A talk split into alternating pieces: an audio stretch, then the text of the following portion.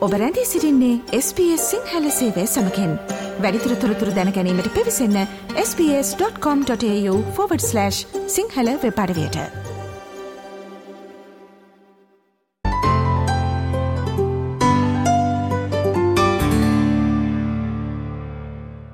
ඔබට මට අපේ පවුල කියන්නේ අපේ මුළු ලෝකෙම වගේ.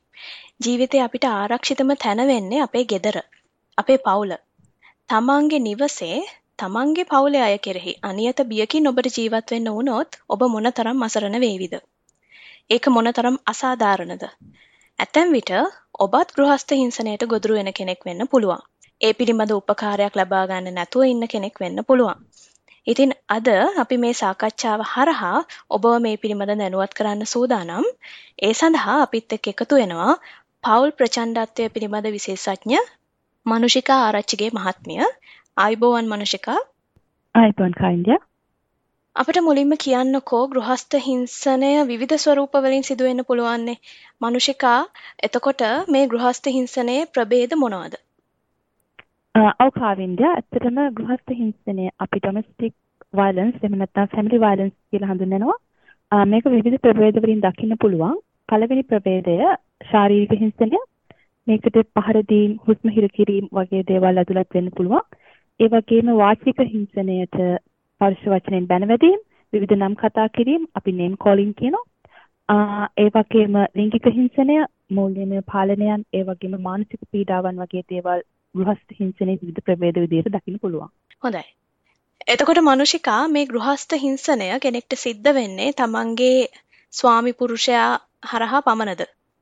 ඇත්තටම නැහැ. ගොඩක් අය දැනුවත් වෙන්නේ එම ස්වාමි පුරුෂයාටින් හෝ වන හිංසනය පිළිබඳව පමණයි. නමුත් මේක ස්වාමි පුරුෂයා බිරිඳ තමන්ගේම දෙමව්පියන් එහෙම නැත්නම් තමන්ගේ දරුවන්, තමන්ගේ සහෝදර සහෝදරියන්, එහෙමත් නැත්නම් තමන්ගේ වෙනත් ඥාතියෙක් පවුලට සම්බන්ධ ඕනෑම පුද්ගලයෙක් අතරින් සිද්ධ වෙන්න පුළුවන්. අපි ඒක නිසා තමයි මේකට ෆැමිලි වයලන්ස් කියලා හඳුන්වන්නේ. කියන්නේ ෆැමිලි එකේ ඉන්න ඕනම කෙනෙක් අතින් මේක වෙන්න පුළුවන්. ඒක ස්වාමි පුරුෂයාට පමණක්ම සීමා වෙලා නැහැ. මේ වගේ අවස්ථාවක කෙනෙක් ගන්න අවශ්‍ය පියවර මොනවාද? මොන ආකාරයටද ඔවුන් උපකාර ඉල්ලන්න අවශ්‍ය? ඔව් ඇත්තටම ගෘහස්ත හිංසනයට ලක්වන කෙනෙක්ට අපි කියනවා victim survivor of family violence කියලා. ඉතින් මෙම පුද්ගලයාට එම ගෘහස්ත හිංසනයට ලක්වන අවස්ථාවේදීම පොලිස් හදිසි ඇමතුම් අංකය 000 කියන අංකයට දුරකථන ඇමතුමක් ලබා දෙන්න පුළුවන්.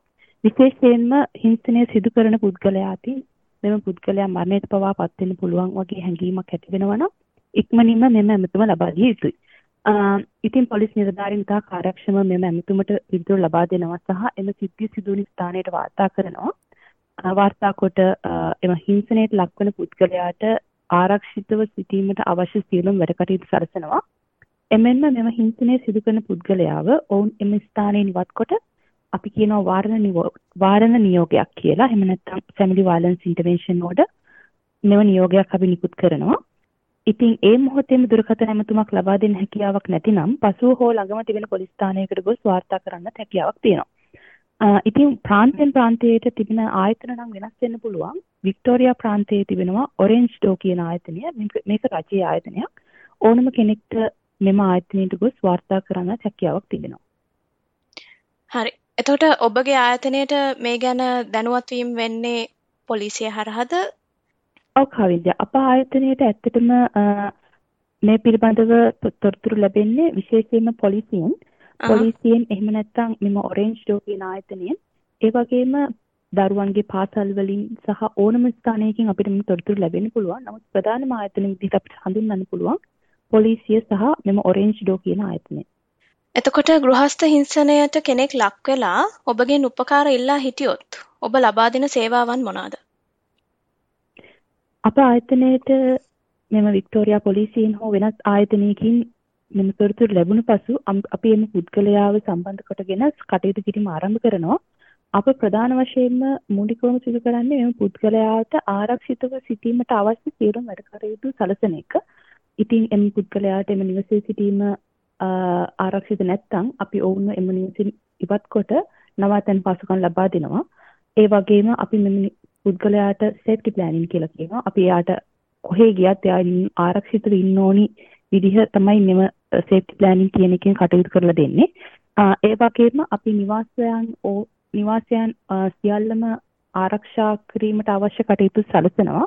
මේ මේකට ඇතුළත් වෙන්න පුළුවන් CCTV කැමරා වගේ දේවල් සම්බන්ධ කොට දෙන එක. ඉතින් මේ වගේ කටයුතු තමයි අපි සිදු කරන්නේ. ඒ වගේම එම පුද්ගලයා ගෘහස්ථින්තයට ලක්වන පුද්ගලයාට මානසිකව ඇති වෙන්න පුළුවන් පීඩාවන් තිබෙනවා. මේ මානසික සෞඛ්‍යයට සිදු වෙන බලපෑම් අනුව අපි ඔවුන්ට කවුන්සලින් වගේ දේවල් ලබා දීම පවා සිදු කරනවා. හොඳයි. එතකොට කෙනෙක් ඒ වගේ ගෘහස්ථ හිංසනයට ලක් වෙනවා නම් ඔබගෙන් සේවාවන් ලබා ගන්න පුළුවන් ඔබ සම්බන්ධ කරගන්න පුළුවන් ආකාරය අපි නැවතත් මතක් කරමු. ඔව් මම කලින් කිව්වා වගේ ප්‍රධානම දේ තමයි පොලිස් හදිසි ඇමතුම් අංකය 000 කියන අංකයට තමයි ඒ මුලින්ම අපි ඇමතුමක් ලබා දෙන්න ඕනි. එහෙම නැත්නම් ළඟම තිබුණු පොලිස් ස්ථානයටත් අපිට වාර්තා කරන්න පුළුවන්. එහෙමත් නැතිනම් 1800 respect කියන ආයතනය තියෙනවා. ඒක මුළු ඔස්ට්‍රේලියාවටම තියෙන එකම ආයතනයක්.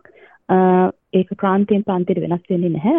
1800respect.org.au කියන වෙබ් අඩවියට පිවිසිලා අවශ්‍ය තොරතුරු සියල්ල ලබා ගන්න පුළුවන්.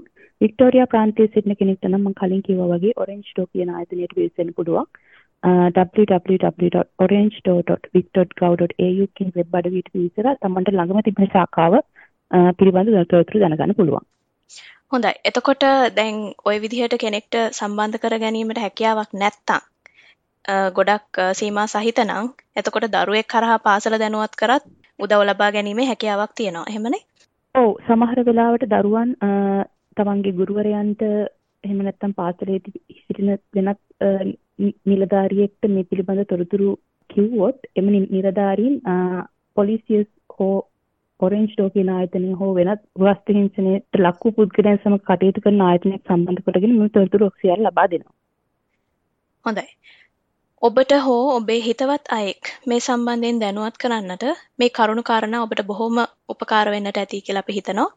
අපව දැනුවත් කරන්නට එකතු වුණ පවුල් ප්‍රචණ්ඩත්වය පිළිබඳ විශේෂඥ මනුෂිකා ආරච්චිගේ මහත්මියට බෙහෙවින් ස්තුතිවන්ත වෙනවා. සුබ දවසක් මනුෂිකා. සුබ දවසක් ආයින්දිය. thank you මම සම්බන්ධ කරගත්තට.